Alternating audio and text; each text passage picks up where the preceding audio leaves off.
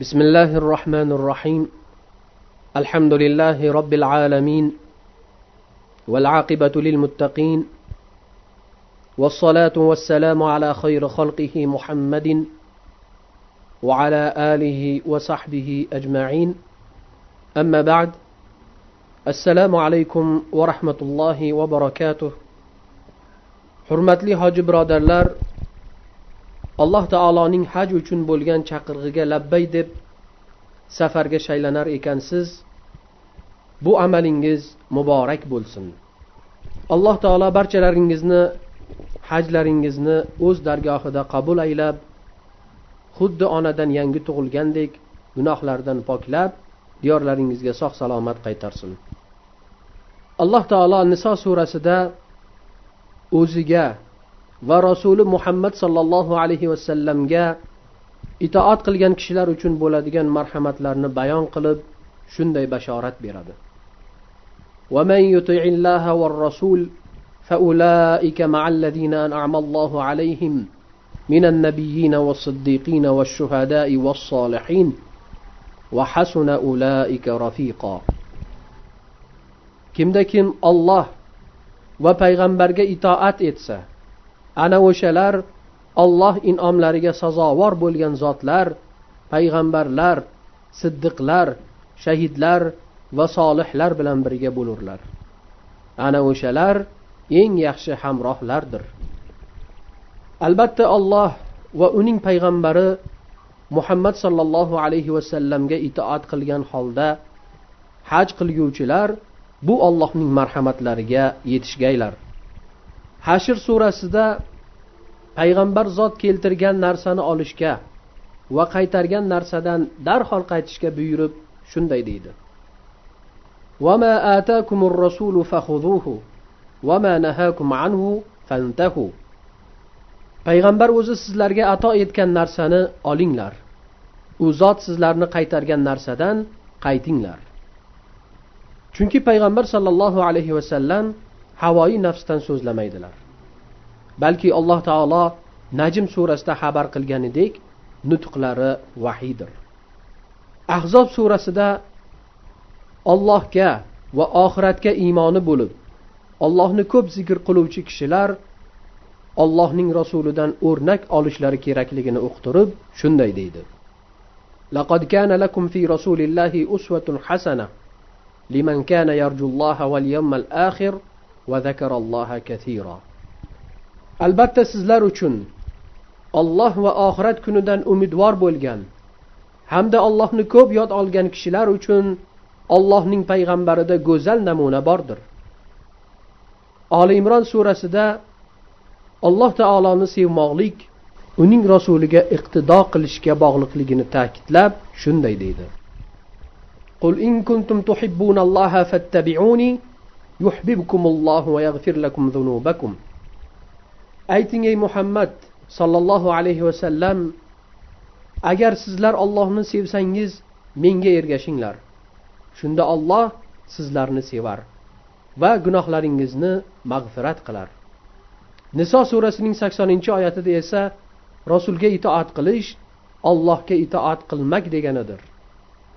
Itoatdan yuz o'girganlar esa o'zlarinigina malomat qilsinlar degan mazmunda shunday deydi من يطع الرسول فقد أطاع الله ومن تولى فما أرسلناك عليهم حفيظا kim payg'ambarga itoat qilsa demak u ollohga itoat qilibdi va kim yuz o'girsa bilingki ey muhammad sollallohu alayhi vasallam biz sizni ularga qo'riqchi qilib yubormadik demak mana bu oyatlardan alloh taologa itoat qilish uni sevish va uning sevinchini qozonish uning mag'firatlariga yetishish jannatdagi ne'matlarga musharraf bo'lish alloh taoloning rasuliga itoat qilish va u zotni yetakchi o'rnak qilib olish bilangina qo'lga kiritilishi va kimda kim bu itoatdan yuz o'girsa o'zigagina zarar keltirishi ma'lum bo'ldi.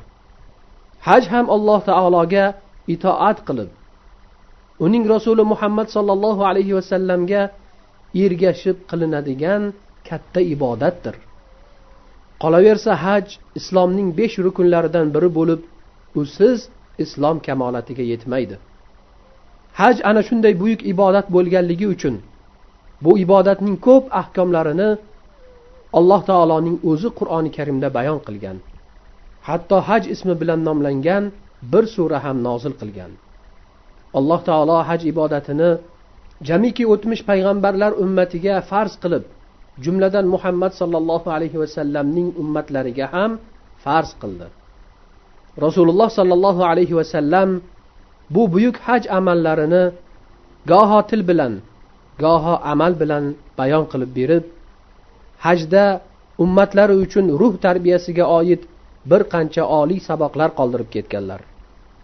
Hoji birodarlar hajlari durust bo'lib alloh dargohida maqbul bo'lishi uchun payg'ambar sollallohu alayhi vasallamning haj uchun qilgan ta'limotlaridan xabardor bo'lishlari lozim bo'lganidek u zotning hajda ruh uchun bergan ozuqalardan ham bahramand bo'lmoqlik darkor.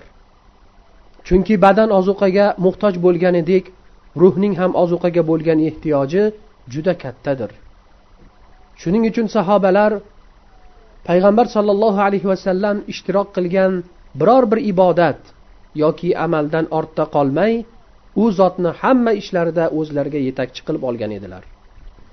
Rasululloh sollallohu alayhi vasallamning haj uchun chiqishlari odamlar orasida tarqab ulgurmadiyamki musulmonlar madina atrofidagi shahar va qishloqlardan madinaga guruh guruh bo'lib kelgan edilar.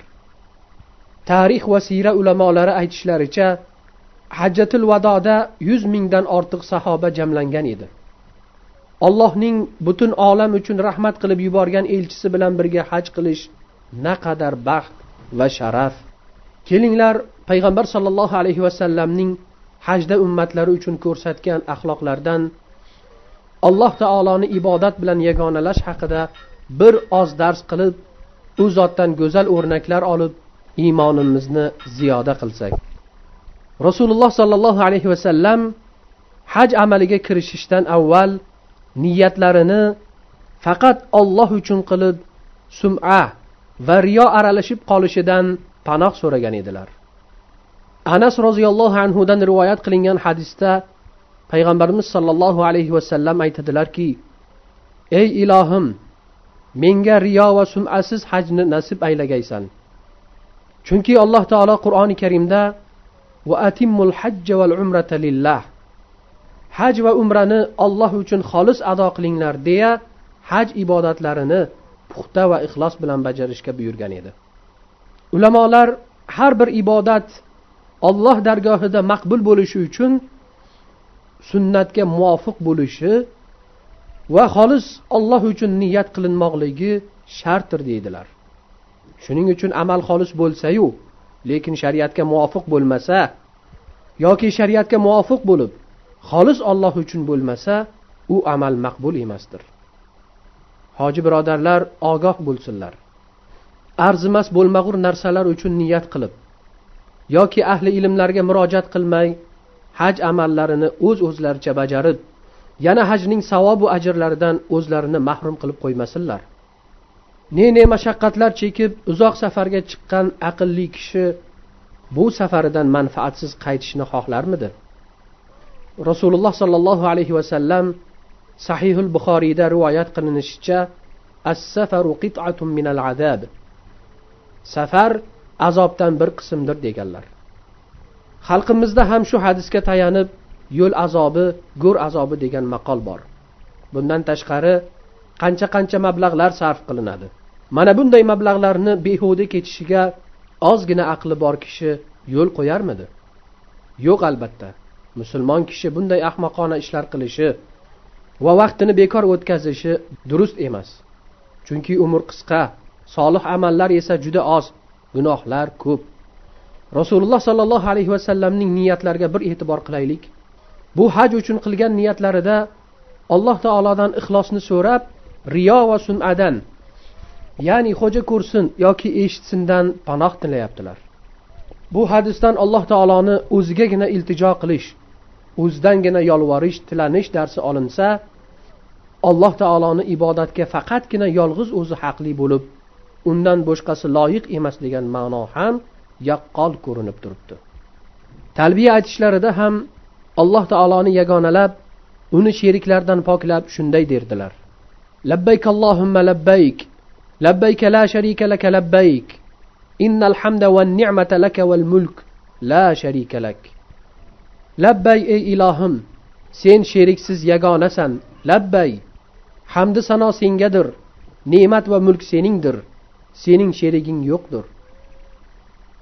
Bu talbiya ehromga kirilgan zahotiyoq aytilishi boshlanib to haj amallari yakunlanib jamratul kubro toshi otilgunga qadar ya'ni hayit namozi o'qiladigan mahal yoki undan bir oz oldinroq to'xtatiladi.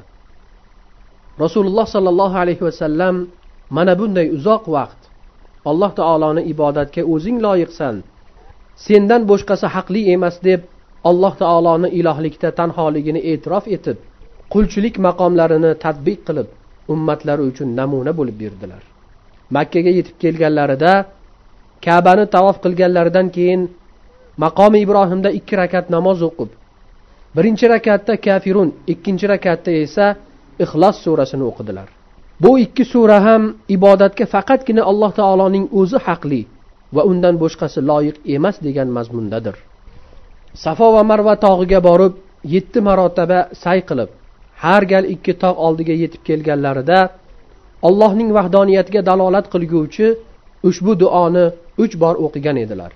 la ilaha illalloh vallohu akbar la ilaha illalloh vahdahu la sharika lah lahul mulk va lahul hamd yuhyi va yumit va huwa ala kulli shay'in qodir لا إله إلا الله وحده أنجز وعده ونصر عبده وهزم الأحزاب وحده so'ng boshqa duolarga o'tardilar arafot kunida esa zavoldan keyin to quyosh botgungacha arafot yerida mana bu duoni o'qidilar La ilaha إلا الله la sharika شريك له mulk الملك وله hamd.